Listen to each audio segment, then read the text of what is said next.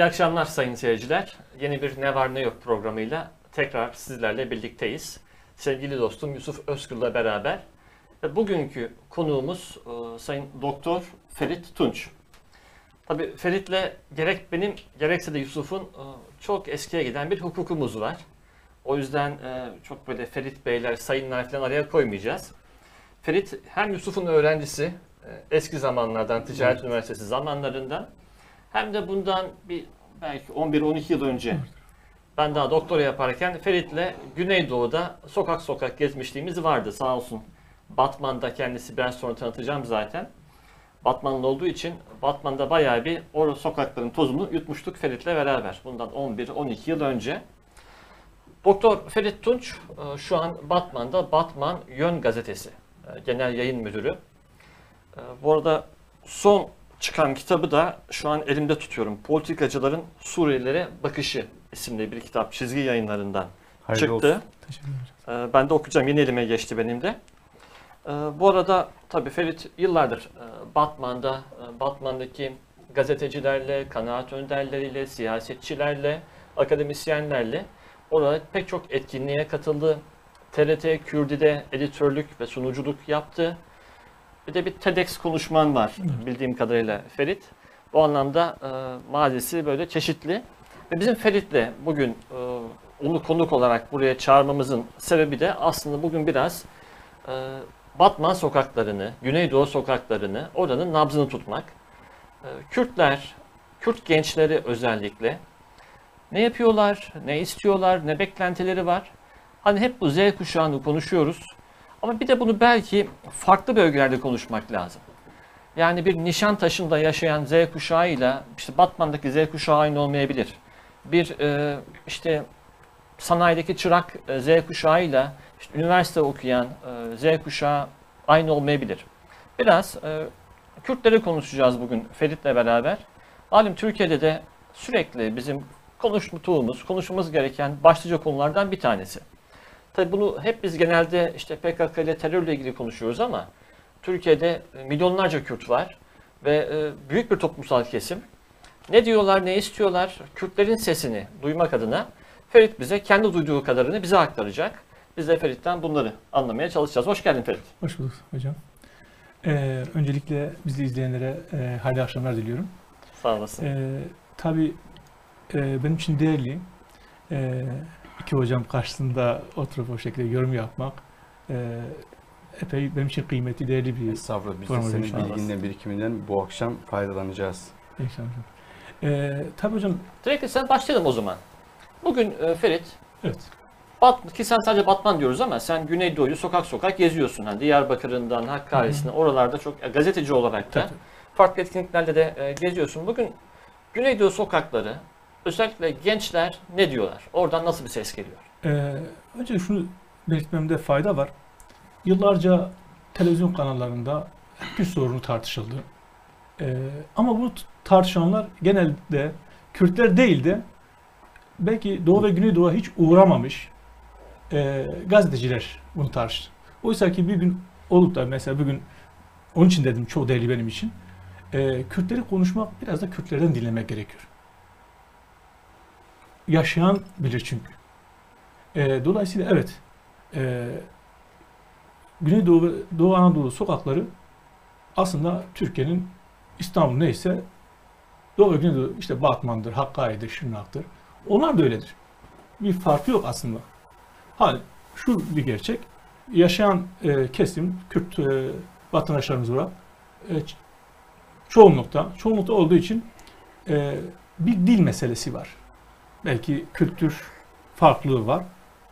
E, belki dil konusunda e, ağırlıklı evde normal gündelik hayatta küçük konuşma var.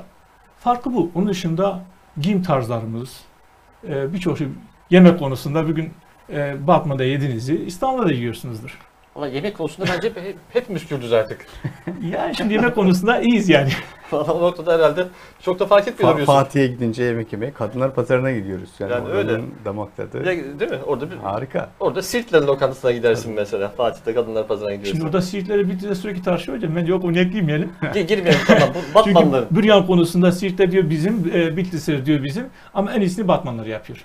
Batmanlar. Tamam, Güzel iyi bağladı. Çok objektif bir Orada sur kebap da var. O da iyi. Aynen hocam. Onun da iyisini Batmanlılar yapar. Değil mi? Onu da Batmanlar güzel yapıyor. Tamamdır. Objektif yorumlar bugün duyuyoruz hep. Peki Ferit. Şimdi e, nedir hani şu an gençler Batman'da siyasi eğilim olarak, sosyal aktivite olarak neler görüyorsun? Bugün Batman sokakları bize ne anlatıyor? Ya da Güneydoğu'da sokaklar bize ne anlatıyorlar genel olarak? Yani şimdi hocam şu bir gerçektir mesela Z kuşağı dediniz. Z kuşağı e,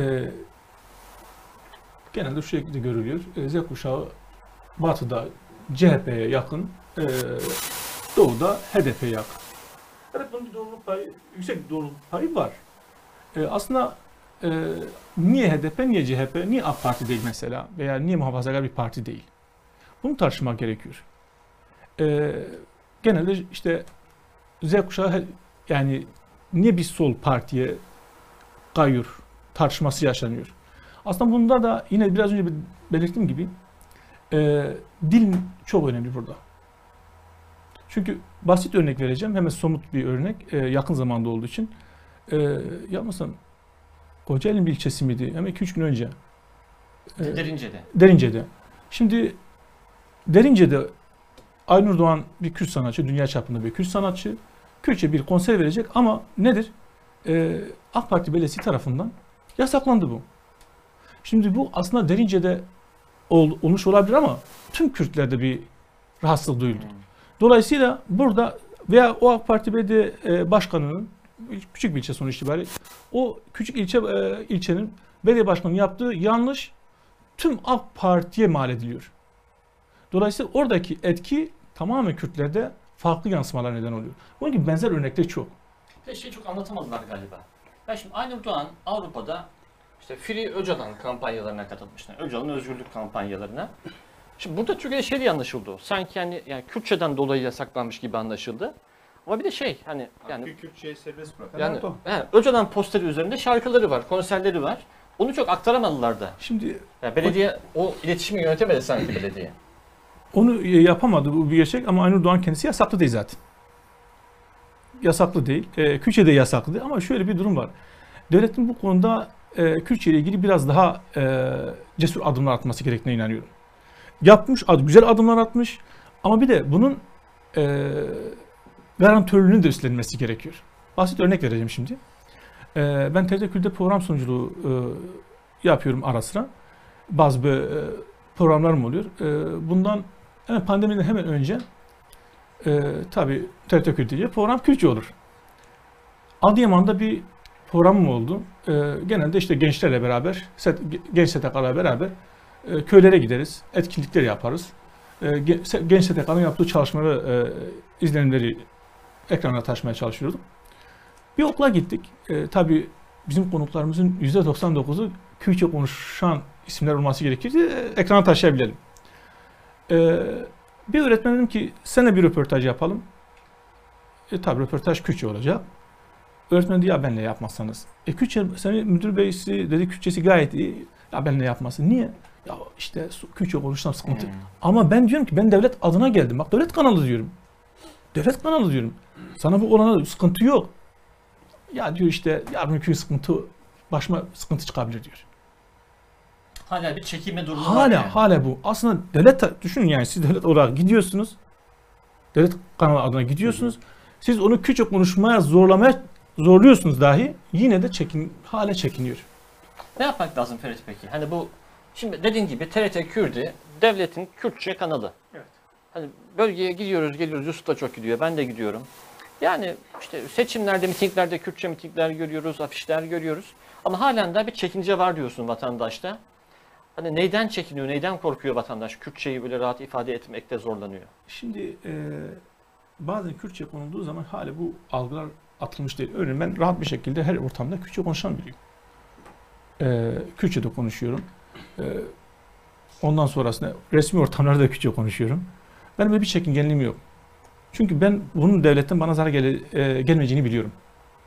Zaten yeri geliyor vali gidiyor Tabii, halkı, tabii. halkı Kürtçe selamlıyor yani. E, işte bunu bu toprakların dili bu da. bazen de şu şu gerçek oluyor.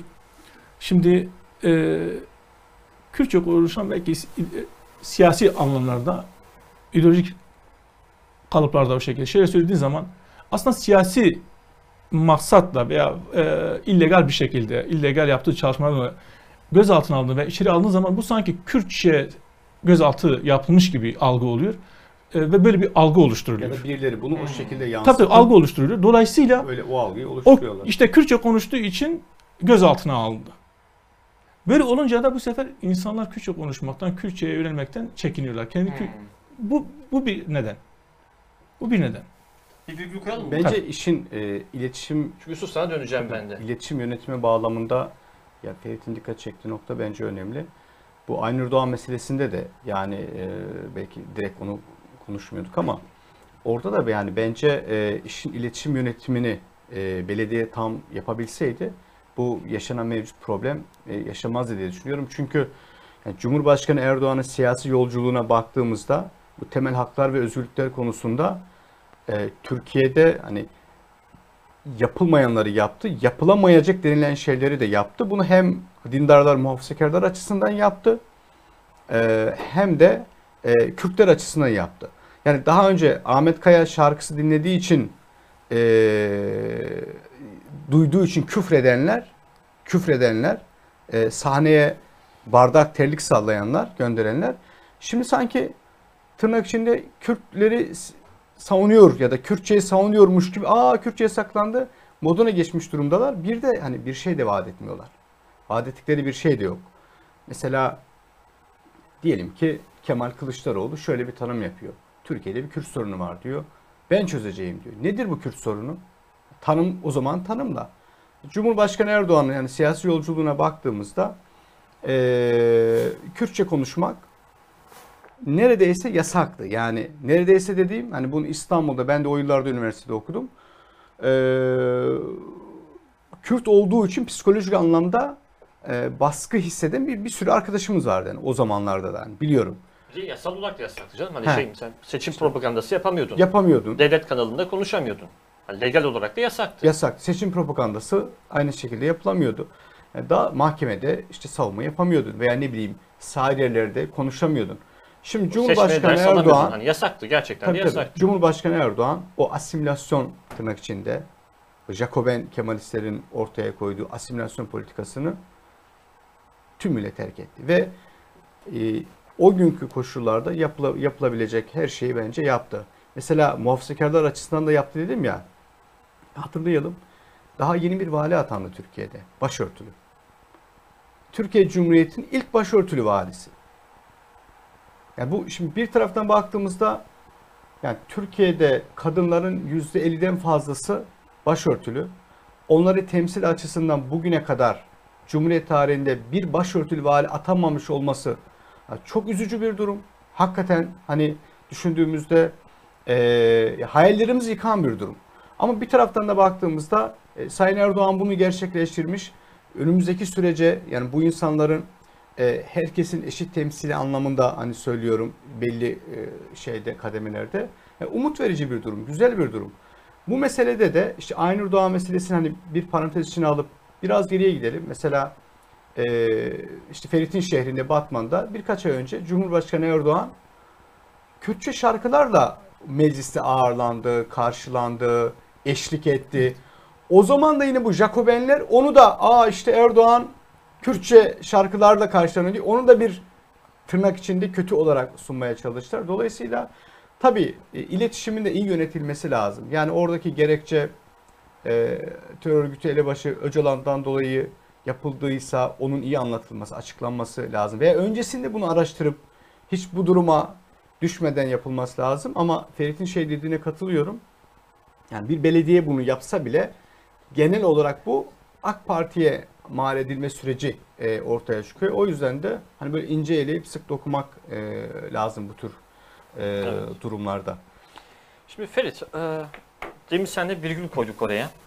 Yani Kürtçe yasak bir dilken bugün senin de katkı sunduğun TRT Kürdi üzerinden vatandaş bölgesinin futbol takımlarının maçlarını Kürtçe seyredebiliyor. Çeşitli haber, tartışma, kültür sanat programlarını Kürtçe seyredebiliyor. Öte yandan işte mahkemede Kürtçe artık e, savunma yapabiliyor. Tercüman atama mecburiyeti geldi bu kişilere. Seçmeli dersler var diyoruz. Cumhurbaşkanı, valiler Kürtçe selamlayabiliyor vatandaşı. Ya Kürtçe artık başkasının dili değil, bizim dilimiz haline geldi. Ama senin az önce söylediğin o anekdot çok önemli. Yani bir öğretmen, Kürtçe bilen bir öğretmen diyorsun ki ya Kürtçe ve devletin kanalına TRT Kürt diye Kürtçe konuşmak istemiyor başıma bir iş gelir diye. Bu algıyı yıkamadık ben bunu anlıyorum buradan.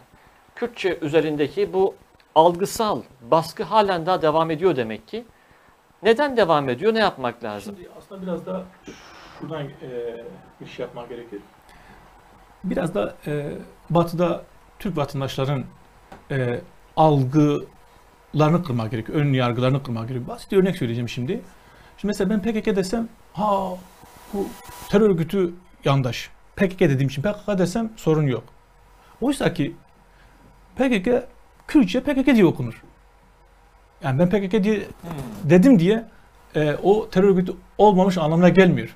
Benim için de terör örgütü, sizin için de terör, terör örgütü. Yalnız PKK deyince bu işte o yandaşı anlamına gelmediği için bu basit örneğinden söylüyorum. Bu önyargılar kırılmalıdır. Kürtçe konuşan birisi e, efendim işte terör örgütüne yakındır. E, hala algısı var. Hala algı, bu algıları yıkmak gerekiyor. Öbür taraftan e, evet devlet tarafından e, bir televizyon kanalı var. E, yine üniversitelerde Kürdoloji bölümü birkaç üniversitede var. Lakin şu bir gerçektir. E, eğer bugün yüksek lisansını Kürdoloji bölümünden, Kürt dili e, üzerinden bitirip de iş sahibi olamıyorsa o zaman bir, burada bir sıkıntı vardır. Kürtçe okullarda Kürtçe seçmeli dersler var. Kürtçe seçmeli dersler var ama aileler hala korku içerisinde çocuklarını Kürtçe seçmeli derse gönderemiyor. Acaba diyor. Ben göndersem diyecek diyebilirler mi? Çocuğum zarar görebilir mi? Öğretmen ona farklı gözle bakabilir mi? İşte bunların ortadan kaldırılması gerekiyor. Hmm.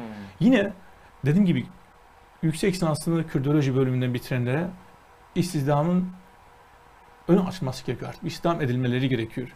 Yani biraz e, Kürtçeden ekmek paralarını kazanmaları gerektiğine inanıyorum. Tamam sen, siz eğitiminizi tamamen Kürtçe üzerinden yapıyorsunuz ama e, bakıyorsun atamalar ya bir ya iki. İşte bunun için biraz bunu açmak gerekiyor. Devlet tarafından bu açıldığı zaman, desteklendiği zaman artık sorun işi ve bat, batıdaki Türk vatandaşlarımız da ha demek ki devlet destekliyorsa e, demek ki normaldir. Dolayısıyla artık o ocu değildir. Hmm. Bu algıları yıkmak gerekiyor. Sorun da e, tam burada işte örneğin e, biraz şehirlerden söz ediyor. Yusuf Hocam Trabzonlu olduğu için şimdi yakın zamanda Trabzonspor şampiyon oldu. Sağ olsunlar Trabzonspor Batman Petrospor'da şampiyon yaptı. Çünkü bizim e, Batman Petrospor 8 futbolcumuz Trabzonlu. E, hocamız da Trabzonlu, e, Trabzonluydu. Dolayısıyla küçük Trabzon diyordu o şekilde. Yani hem kendileri şampiyon yaptılar hem bizi şampiyon O yaptılar. yüzden mi bize ya Trabzon diyorsunuz? Batman'da bayağı Trabzonspor taraftarı da var. Hayır işte hocam işte her yere Trabzon taraftarı var. Hasankeyf'e gittiğimde ben de Şimdi- kaç tane oradaki halıcılarla konuşmuştuk o Şimdi zaman. aslında Trabzon. her yerde Trabzonspor taraftarı var. Her yerde Batman Petrospor taraftarı da var. Tam da değinmek istediğim bu. Trabzonspor taraftarı Batman'da gayet güzel bir şekilde Trabzon olabiliyor ya da Galatasaraylı gayet güzel bir şekilde Batman'da, Diyarbakır'da Galatasaraylı olabiliyor. Fenerbahçe spor taraftarı gayet Batman'da, Şırnak'ta, Siirt'te her yerde e, Fenerbahçeli olabiliyor, Galatasaraylı olabiliyor, Beşiktaşlı olabiliyor. Yalnız Batman Petrospor taraftarı veya Diyarbakırspor taraftarı veya Ahmet işte Ahmet Spor'dur. Herhangi bir şey yok. Takımın ismi Ahmet Spor'dur. TFF de kabul etmiş. Ahmet Spor bir Trabzon'da hala o korkular, o çekingenler var. Acaba ben Ahmet Spor desem terör yandaşı mı olmuş oluyor? Ya da öyle görülüyor. Yani Batman Petrospor taraftarı gidip Trabzon'da, Ordu'da veya farklı bir e, Karadeniz şehrinde rahat bir şekilde ben Batman Petrosporluyum diyebiliyor mu? İnanıyorum bunda sıkıntı yok ama bu algıların yıkılması gerekiyor. Ee, yakın zamanda işte Batman'dan girdik ya hocam. Yakın zamanda e, Trabzonlu gazeteciler e, Batman'a geldi. Ağırladık onları. Gayet de memnun ayrıldılar. Biz de bir dedik belki Batmanlı gazeteci olarak gidecektik. Onları davet ettiler ama bir daha kısmet olmadı. Şimdi bunlar önemli şeyler. Köprü görevi görüyor. Gazeteci köprü görevi. E, Trabzon gazeteleri çok güzel bir şekilde yazdı. Batman'da çok güzel ağırlandı. Bu güzel bir şey. Şimdi burada olan olması gereken şu. E, Batmanlıları Batmanlı olarak, e, Siirtleri Siirtli olarak, e, Diyarbakırları Diyarbakırlı olarak, Kürt olarak ama. Kürt olarak ağırlayabilmektir. İnsanlar ya aslında biz kardeşiz. O Kürtçe konuşuyor, ben Türkçe konuşuyorum. Sorun yok yani aslında. Bütün mesele bu. Halimiz örneğin 72 plakayla insanlar ya da 21 plakayla hala insanlar Karadeniz'e gitmekten çekiniyor. Aslında biz 72 plakayla bundan kaç yıl önce aile olarak iki ailede gittik. Hiçbir sıkıntı yaşamadık. Ama algı hala bu. Kürtlerde bu algı. O zaman şöyle diyelim e, Ferit anladığım kadarıyla diyorsun ki ya tamam hani devletin atabileceği halen de adımlar var. İşte kadro açılması gibi işte kültüroloji mezunlarında daha geniş 34'te de kadrolar gidenler gibi. çekiniyor. 34 plakayla da gidenler çekiliyor. Yani Trabzon'dan çekilindi diyorsun. ya bu önemli ama e, Ferit. Fenerbahçelilerden dolayıdır hocam bu. Bu, bu, bu önemli. Hani diyorsun ki tamam devlet e, büyük adımlar attı. Atabileceği adımlar tabii ki her zaman daha var. Eğer talep varsa, şikayet varsa devlete de iş düşer o noktada. Ama belki daha da önemli kısım toplum belki devletin attığı adımlara da belki e, yetişemedi. Çünkü ya ben de bunu duyuyorum sadece senden değil. Yani hakikaten de belki de Batı illerinde hani Karadeniz'i, İç Anadolu'su, Ege'si fark etmez Trakya'sı e, halen de Kürtçe duyduğun, duyduğunda rahatsızlık duyan insanlar olabiliyor. Hani bunu aşamadık belki de. Yani ya ben Kürdüm deyince ben kardeşim yani insanız hepimiz. Hepimiz bir yerdeyiz. Memleketimiz var. Dilimiz var. Hani e, vatandaşlığımız bir sürü aidiyetimiz var. Bunlardan bir tanesi Kürtlük olduğu zaman toplum olarak bunu tabii ki tüm toplumu tömet altında bırakamayız. Ama bunu aşamamış. Halen de kafa taşçı, zihniyetinde olan insanlar var. İşte onlara ulaşmak lazım. Burada Yusuf sana döneceğim. Nasıl ulaşacağız? Ha şimdi biz düne kadar Türk-Kürt diyorduk. Bugün tabii iş biraz daha farklı noktalara geldi. Bugün artık Suriyeli dediler, şu dediler, bu dediler. Artık neredeyse doğuda kim varsa, sadece bizim doğumuz değil, Türkiye'nin daha da doğusundan da böyle bir bakış açısı var. Bunu yıkamıyoruz. Tam tersine kafa taşçı zihniyet geri gelmeye çalışıyor. Farklı siyasi partilerde, farklı böyle Evet. flash söylemlerle göçmen karşıtlığı üzerinden olabilir. Ama kendi çevremizde de hani Suriyeliler yokken de Güneydoğu'dan, Doğu'dan gelip mevsimlik işçiler geliyorlardı. Tarım sektöründe, inşaat sektöründe. O zaman da işte Doğu'dan gelen, Kürt olsun olmasın, şiveli konuşan göçmenlere yönelik bir ayrımcılık vardı. Bu bir iletişim problemi mi? Bu bir politika problemi mi? Bu düzeltilebilecek bir problem mi bugünden yarına? Şimdi Hüseyin tabii e, zor bir konu. Öncelikle onun altını çizmek lazım. Ama Türkiye bu konuda e, çok ciddi mesafe aldığını ben açıkçası düşünüyorum. Yani 90'ların sonlarını hepimiz e, yaşadık biliyoruz. O günlerden bugünlere baktığımızda e, çok iyi yönde ciddi mesafeler alındığını düşünüyorum. Ve Türkiye'de sosyoloji, e, Kürt ve Türk hani bağlamında baktığımızda e, ciddi bir iç içe geçmişlik de var. Yani bu yaşam alanları açısından işte İstanbul'da, İzmir'de, e, Ankara'da, e, Antalya'da e, ticaret anlamında ciddi bir iç içe geçmişlik var. E, okullaşma anlamında ciddi bir iç içe geçmişlik var. Evlenme, kadın erkek ilişkileri bağlamında e, yani benim bile tanık olduğum bir sürü hani e, kız Kürt veya işte erkek e, diyelim ki Türk veya erkek Kürt işte kız Türk vesaire o anlamda ya çok ciddi bir hani birbirleri arasında bir evlenme süreci işte çoluk çocuk sahibi olma, torun sahibi olma vesaire bu anlamda da çok ciddi bir içe geçme var.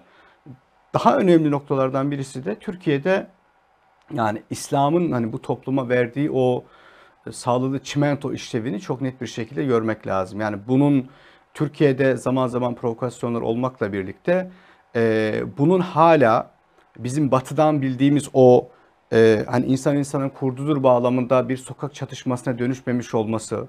Yani e, PKK terörüyle Türkiye mücadele ederken hani binlerce şehit vermiş olmamıza rağmen ki bu şehitler hem Türklerden hem Türklerden e, verilmiştir. Hani bu şehit haberi geldiğinde sadece İşte Karadeniz İç Anadolu'ya gelmiyor. İşte Batman'a da gidiyor, Hakkari'ye de gidiyor, Diyarbakır'a gidiyor.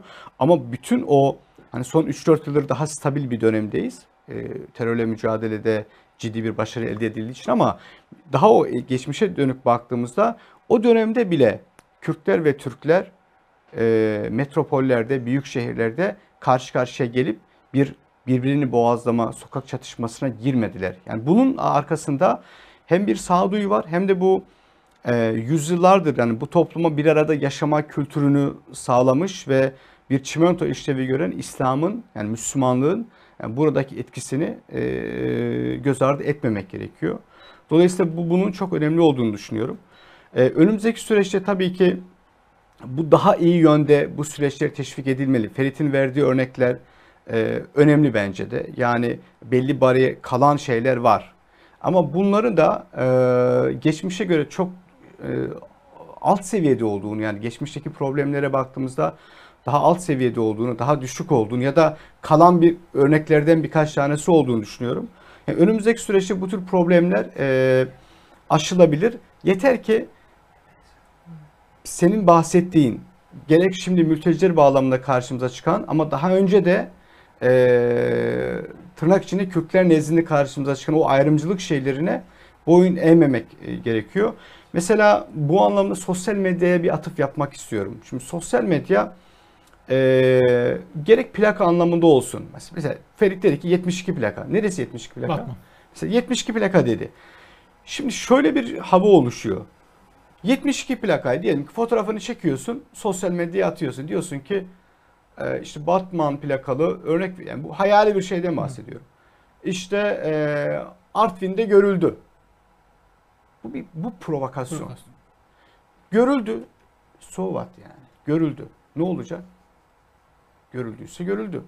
Ama bu sosyal medya atınca başka bir anlama geliyor. Yani sanki orada bilerek oraya gitmiş. Kendini göstermek için. Çok iyi söyledin. Kesinlikle. Bu mülteciler için de aynı. İşte iki mültecinin fotoğrafını çekiyorsun. Ya da mesela dün gördüğüm bir sokak röportajı Taksim'de güya Türk bulamıyor soru soracak. İşte oradan seçiyor işte e, Arap, Pakistanlı, İngiliz vesaire. Gördünüz diyor sayın izleyiciler. Biz Soru mülteci- soracak Türk bulamadım. Biz mülteci duruma düşmüşüz diyor. Türk bulamadım. Şimdi bu provokasyon. Seçiyorsun. Seçiyorsun. Ondan sonra bunu sosyal medyaya atıyorsun. Türk yok diyorsun. Peki bizim gördüğümüz Türkler İstanbul'da, Kürtler, işte ülkenin vatandaşları. e bunlar nereye gitti yani? Dolayısıyla sosyal medyanın da ana akım medyadan çok daha tehlikeli bir yönü var. Bu provokasyon bağlamında seçip atıyorsun ve orada da bu nefreti ayine dönüştürmüş insan tipolojisi çok. Bunu hemen alıp onun üzerinde tepinecek. Ee, başka işi yok. Siyasi sahipli olabilir bunu yapmak yani işte A partisi B partisi bağlamında bunu yapmak istiyor olabilir ki bu özellikle Kürtler bağlamında bu meseleyi bir sömürü haline getirmiş HDP gibi bir parti de var e, karşımızda. Yani e, ne olursa olsun insani anlamda olabilir, e, sosyolojik anlamda olabilir. Herhangi bir meseleyi de alıp işte bu Kürt karşıtlığı demeyi demek için can e, atan bir HDP yapısı da var. E, ona müzahir bir takım CHP'ye yakın gruplar da var şu an için söylüyorum. Ama ideolojik anlamda da bu meseleleri sömürmek isteyen yapılar var. Dolayısıyla sosyal medyanın da burada bu tahrik edici yönünü e, altını çizmemiz lazım. Ben onun dışında geldiğimiz noktanın e, geçmişe göre daha iyi bir yer olduğunu, buradan da belli işte problemlerden örnek alarak önümüzdeki sürece daha sağlıklı bakabileceğimizi düşünüyorum. Yani bir aşama kat edildi. Tabii. Ee, devlet nezdinde de, toplum nezdinde de tabii ki gidilecek yol daha var. Ama güzel bir şey söyledin. Ee, olgular kadar algılar da önemli. Evet. Ve bunu kaşıyan, özellikle yani bırakalım göçmenleri, onlar yeni bir konu belki ama hani Türk Kürt biz bu topraklardayız bin yıldır. Hani halen de onu kaşımaya çalışan, böyle algı operasyonu yapan odaklar da var diyorsun. Ve konuşmanın sonunda biraz yani HDP, CHP deyip konuyu siyaset masasına Evet. getirdin. Tam da oradan devam edelim Yusuf. Ferit, şimdi Diyarbakır anneleri 2019'dan beri işte 2019 Eylül'ünde başladılar hatta 22 Ağustos'ta Haziran ayıyla başladı ama oturma eylemi olarak 2019 Eylül'ünden beri devam ediyor ve birinci gününe geldik sayılır. bu ay sonu itibariyle tam bin günü dolduracak.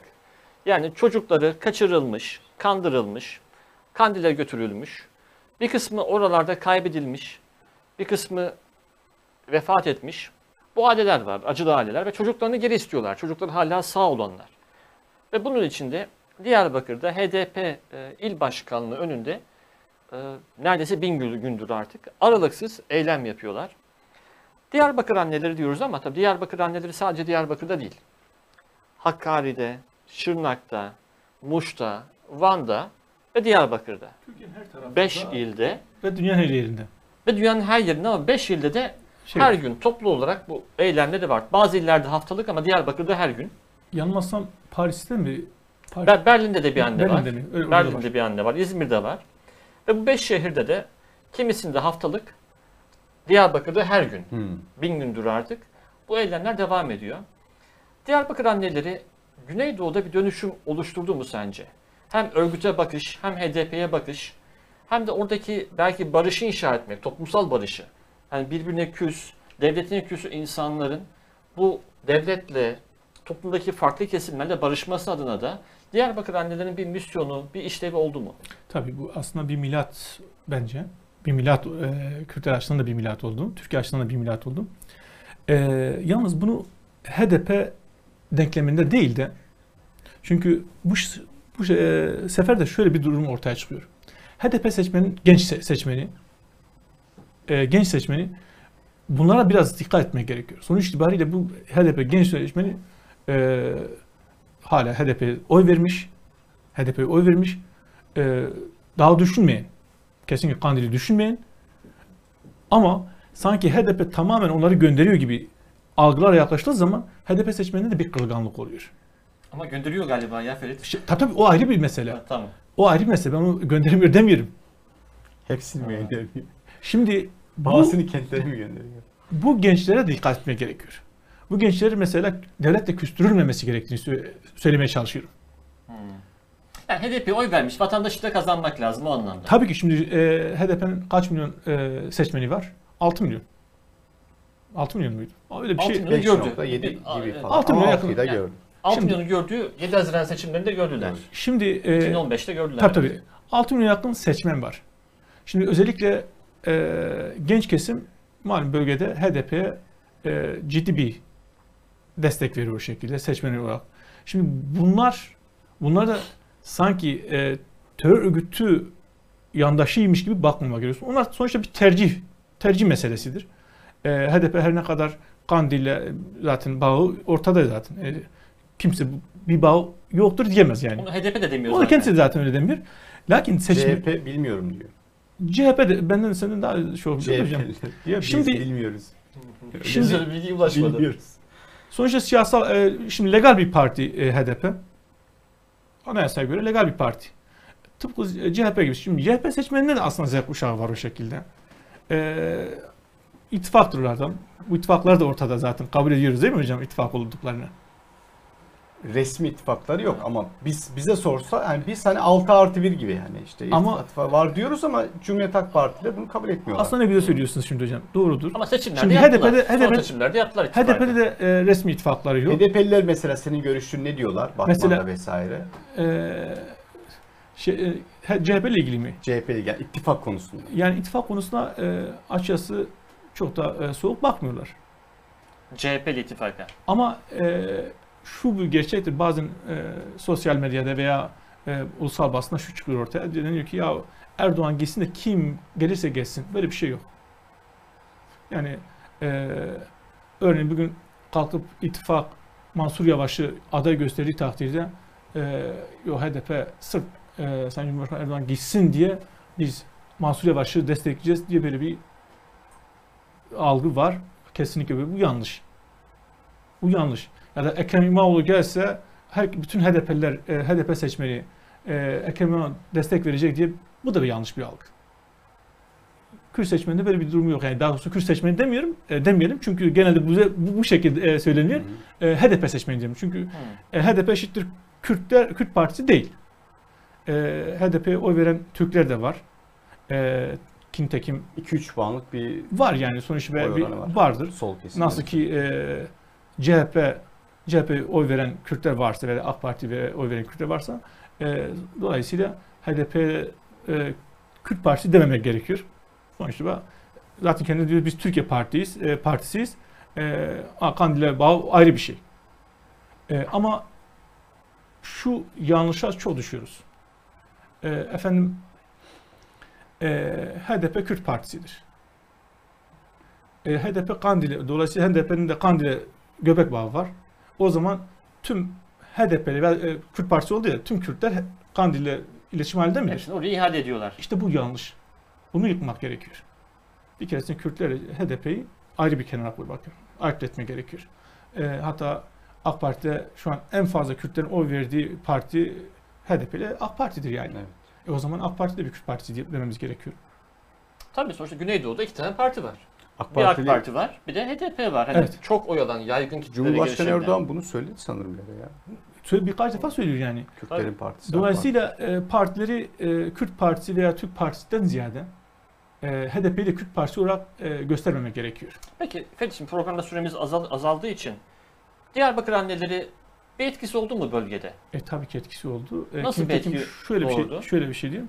E, Diyarbakır annelerinin e, çocuklarını çağırdıktan sonra devletin de büyük bir desteğiyle e, devlet bu anlamda ciddi bir şekilde Diyarbakır annelerinin arkasından durmasıyla e, ki nitekim ikna olup dönenler oldu.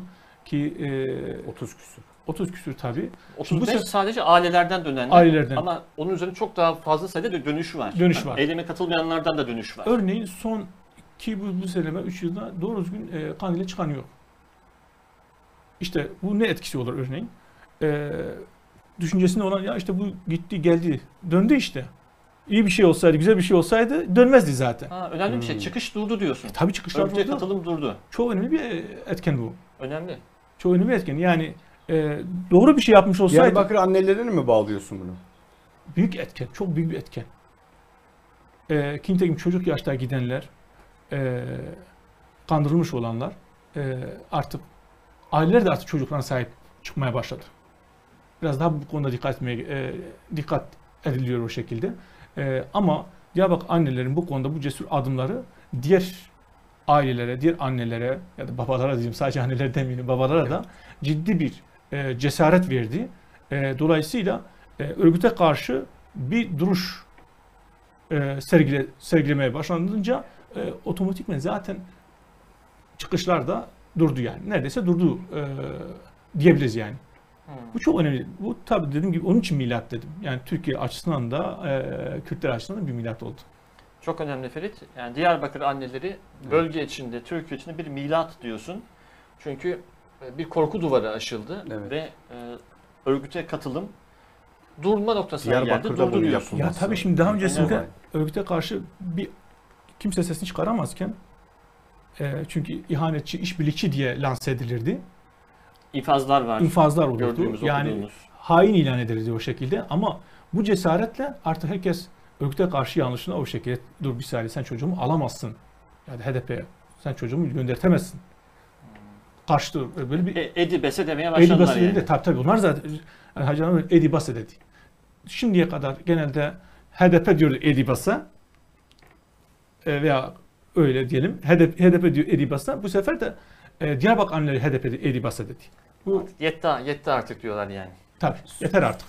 Süremiz varsa ben Hemen sana döneceğim Yusuf. Senle bitireceğiz şöyle, programı. e, ben hakkımı cevap olarak değil de ben de bir soru sorayım Ferit'e. Bence şey Hmm.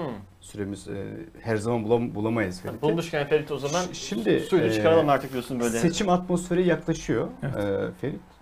Siyasi partiler ya mesela AHDP'nin bir kemik oyu var. Hı hı. AK Parti'nin de bir kemik oyu var. Yani Cumhurbaşkanlığı seçimi açısından bakarsak Sayın Erdoğan'ın e, ciddi bir oyu var. Ve hani Kürt seçmen nezdinde AK Parti ve e, HDP yani ağırlıklı olarak %90 ö- eşit oranlarda oy e, alıyorlar bildiğim kadarıyla.